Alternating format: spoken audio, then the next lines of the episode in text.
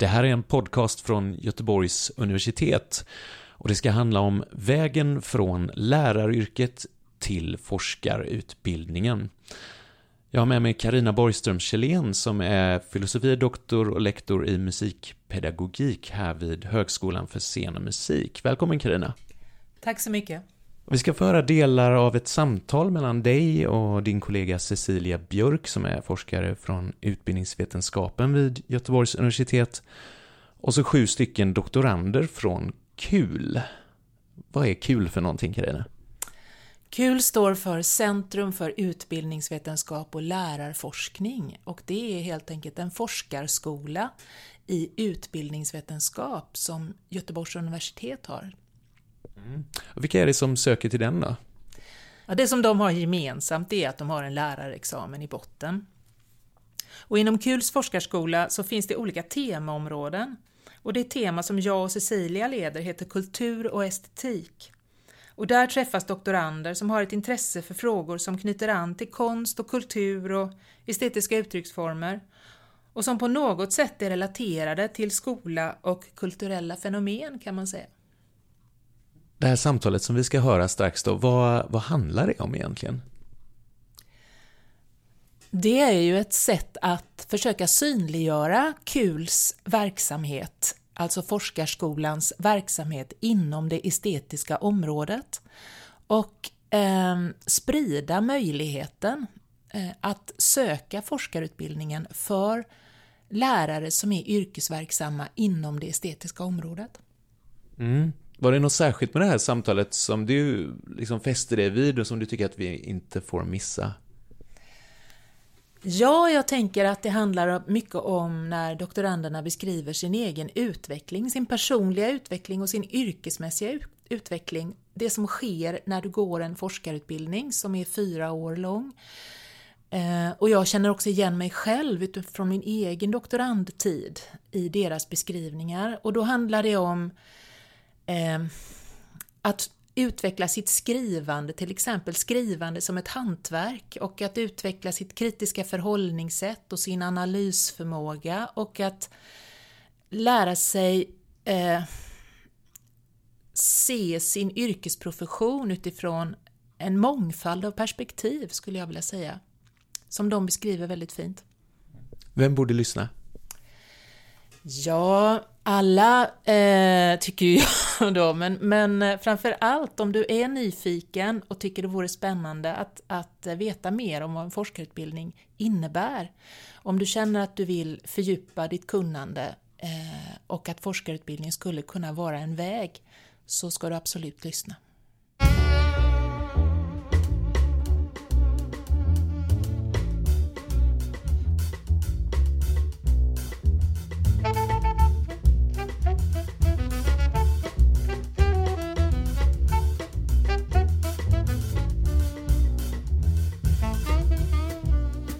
Sju doktorander inom forskarskolan KUL är alltså samlade. Och först ut att svara på en fråga är Niklas Rudbeck. Niklas är utbildad musiklärare och har jobbat som det i grundskola och gymnasium. Och han började som eh, doktorand 2014 på Högskolan för scen och musik och hoppas på att bli klar med sin avhandling under våren 2020. Och första frågan till Niklas och till de övriga sex doktoranderna är vad var det som gjorde att ni ville ta steget från att vara lärare till att bli doktorand? Jag kanske inte är typexemplet, tror jag. Det var faktiskt när jag skrev examensarbete på lärarutbildningen. Eh, så hade jag en handledare som... Eh, det var väldigt roligt att skriva examensarbete tyckte jag. Och han märkte att jag tyckte det var roligt så han sa du kanske borde söka till forskarutbildning senare.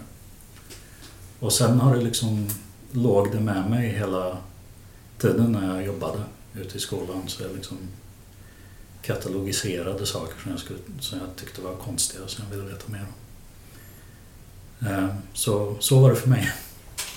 Frågan går vidare till Ola Henriksson. Han är grundskollärare utbildad för låg och mellanstadiet med svenska och SO som ämnen. Och vid tiden för det här samtalet så har han eh, kommit ungefär två tredjedelar genom sin avhandling. Ja, hur kom det sig då att han tog steget från lärare till doktorand? Jo, det var så att vi hade ett språkutvecklingsprojekt på en grundskola där jag jobbade. Tanken var att vi med då det muntliga berättandet som jag är intresserad av skulle jobba med barnens och elevernas språkutveckling. Men det där väckte så himla många fler eh, frågor och funderingar kring berättandets betydelse egentligen. Och i samband med det så hade vi olika projekt och ett projekt var tillsammans med eh, lärarutbildningen i det här projektet.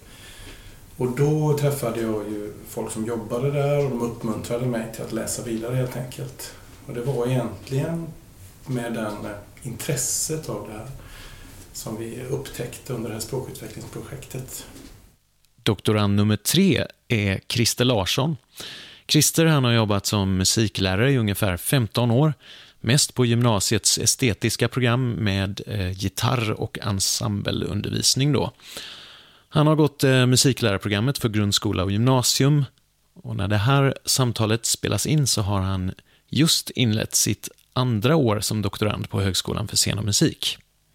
Vi hade en kompetensutvecklingsdag, nu är det många år sedan, på, på det gymnasiet jag jobbade på. Och då kom det en, eh, ett besök, eh, en, just en disputerad gymnasie, före detta gymnasielärare då, som jag kände till lite från grannstaden Så.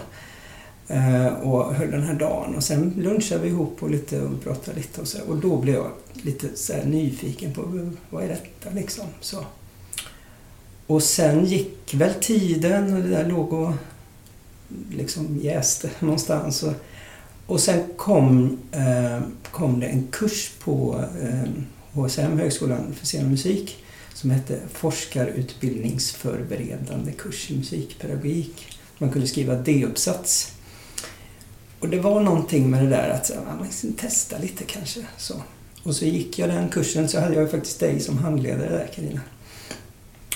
Och det var så kul och så svårt samtidigt. Så jag tänkte något som är så här kul och så svårt på samma gång. Det, det blev så eh, intressant. så. Och sen gick jag tillbaka och jobbade och så hade man ju med sig de här lite analytiska glasögonen på ett annat sätt än jag hade haft innan. Så då blev jag liksom nyfiken på grejer och började fundera på varför är det så här och hur har det blivit så? Ja, och så, så började det liksom. Sen sökte jag. Nästa doktorand är Cecilia Jeppsson. Och så här säger hon om steget från läraryrket till forskarutbildning. Jag var nog sugen på att, att börja en sån här utbildning eller forska rätt så många år innan det blev så lyckligt att jag fick möjligheten då. Så att eh, jag började läsa psykologi och arbetsvetenskap och eh, arbetspsykologi eh, vid sidan om jobbet på Kulturskolan.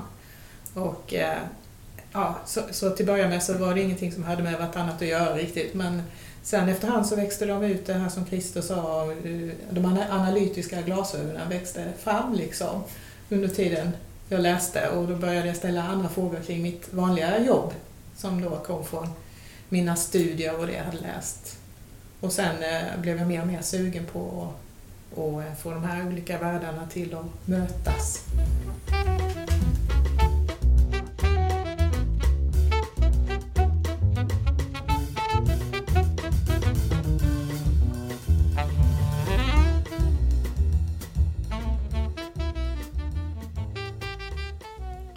Och nu dags att släppa in Lena Ostendorf.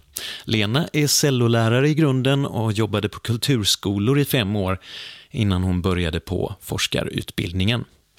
Det var på flera plan på något sätt att jag växte fram. Det var första steget hände egentligen under min föräldraledighet för då hade jag på något sätt helt plötsligt tid att fundera på vad, vad är det egentligen jag gör det här jobbet och fick lite avstånd från det dagliga och märkte att eh, ja, det saknades någonting det här att kunna tänka på saker. Att det hann man liksom aldrig. Det var mycket snabba beslut och man ska liksom hålla igång. Ehm, så det kände jag att det, det vill jag ha i mitt liv på något sätt. Att kunna tänka, fundera. Så då sökte jag till en masterutbildning i musik eh, och skrev då en masteruppsats och den var ju på något sätt kanske liknande den här forskarförberedande kursen. Ehm, och då var det, hade man väl fått den här ynnesten att få läsa böcker på så att säga, arbetstid och liksom hålla på med det, då, ehm, då finns det ingen återvändo.